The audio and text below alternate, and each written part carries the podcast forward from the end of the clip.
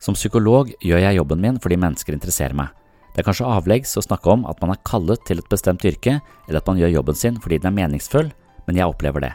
Imidlertid jobber jeg i et system som tviler på min integritet.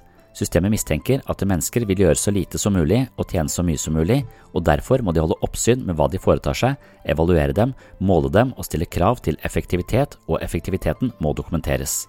Av denne mistilliten bruker jeg nesten halvparten av min tid på meningsløse arbeidsoppgaver. Tidvis bruker jeg mer tid på å dokumentere hva jeg har gjort, enn å gjøre det jeg kan. Det er sinnssykt. På kontoret gjør jeg oppgaver som ligner på arbeid, men som egentlig ikke flytter noe som helst i den virkelige verden.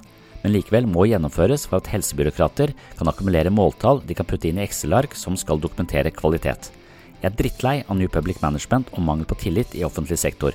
Det påfører meg meningsløshetsstress, og jeg har utagert mine synspunkter i episode 107, 124 og 127 på min podkast Sinnssyn.